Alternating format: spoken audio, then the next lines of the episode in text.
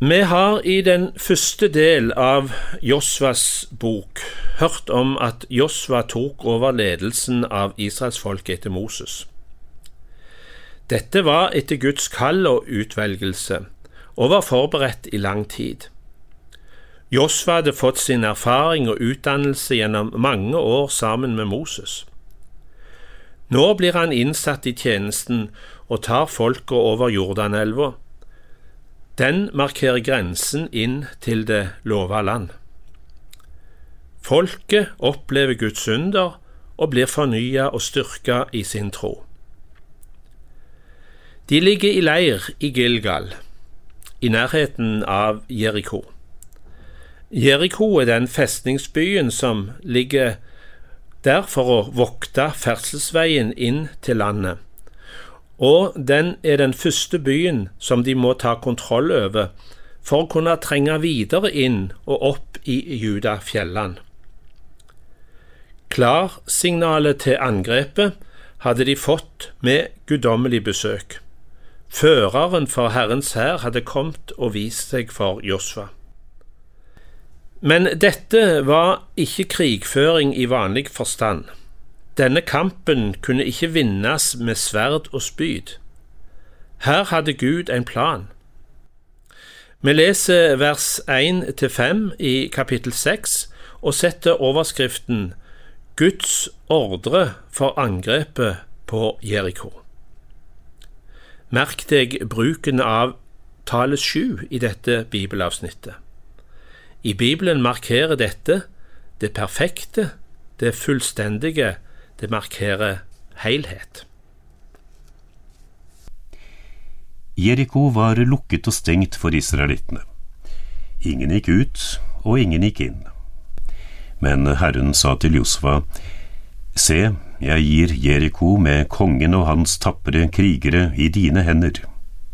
Dere skal omringe byen, alle krigerne skal gå rundt byen én gang, det skal du gjøre i seks dager. Sju prester skal bære sju bukkehorn foran paktkisten. På den sjuende dagen skal dere gå sju ganger rundt byen, og prestene skal blåse i bukkehornene. Når hornet lyder, når dere hører støtet fra bukkehornene, skal hele folket sette i et høyt rop. Da skal bymuren styrte sammen, så hver og en kan gå rett inn i byen. Så i det neste avsnittet får vi høre om det forunderligste slaget som har funnet sted i historien. Og jeg tenker på at israelittene ble nok minnet om Mose ord da de sto foran Rødehavet, og i en vanskelig og utfordrende situasjon. Moses sa, Herren skal stride for dere, og dere skal være stille. Og i hebreerbrevet blir slaget kommentert med det følgende Ved tro falt Jerikos murer. Det er altså en trosseier vi hører om. Alt ble gjort nøyaktig etter instruksene de hadde fått fra Gud, og bymurene falt. Vi møter òg igjen Rahab, som på grunn av sin tro og hjelpsomhet nå ble redda sammen med sin familie. Vi leser Josvas bok, kapittel 6, vers 6 til 25.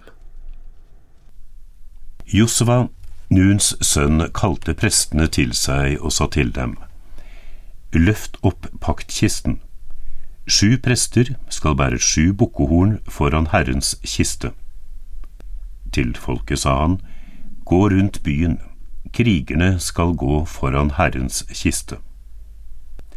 Da Josva hadde talt til folket, gikk de sju prestene som bar de sju bukkehornene, foran Herren og blåste i hornene, mens Herrens paktkiste fulgte etter dem.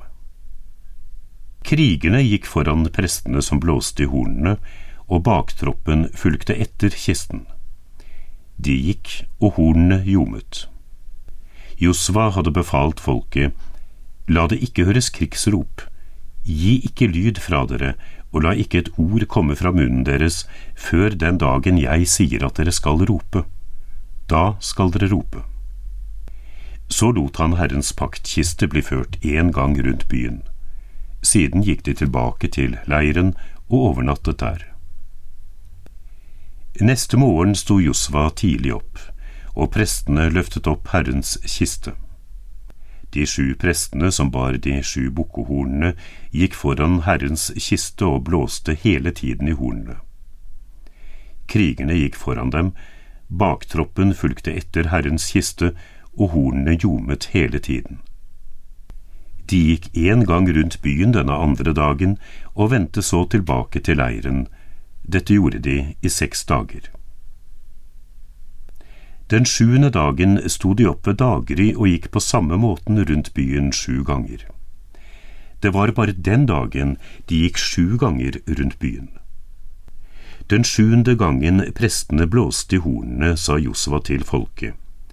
Rop, for Herren har gitt dere byen. Byen og alt som er i den, skal være bannlyst og tilfalle Herren. Bare den prostituerte Rahab skal få leve, hun og alle som er i huset hos henne, fordi hun skjulte mennene vi sendte ut. Pass dere for det som er bannlyst, så dere ikke fristes til å ta av det for da blir også Israels leir bannlyst, og dere fører ulykke over den. Alt sølv og gull og alle gjenstander av kobber og jern skal gjøres hellig for Herren og bringes til Herrens skattkammer. Folket ropte mens prestene blåste i bukkehornene. Så snart folket hørte lyden av hornene, satte de i et høyt rop. Muren styrtet sammen, og hver og en gikk rett inn i byen.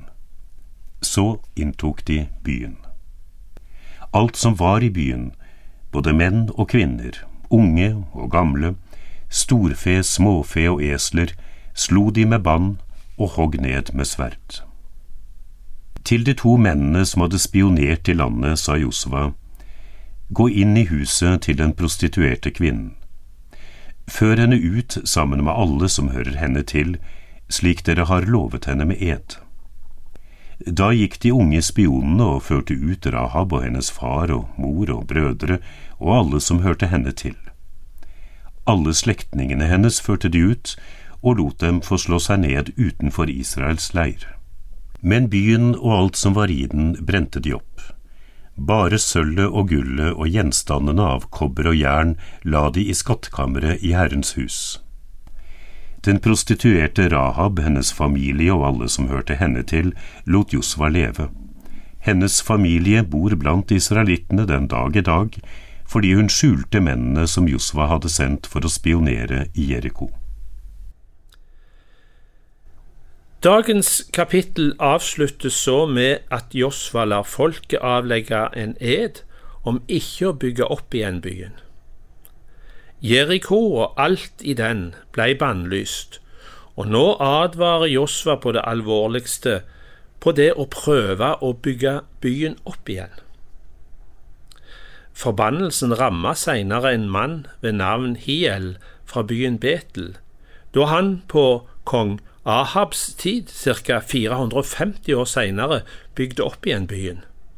Det kan vi lese om i første kongebok, kapittel 16, vers 34.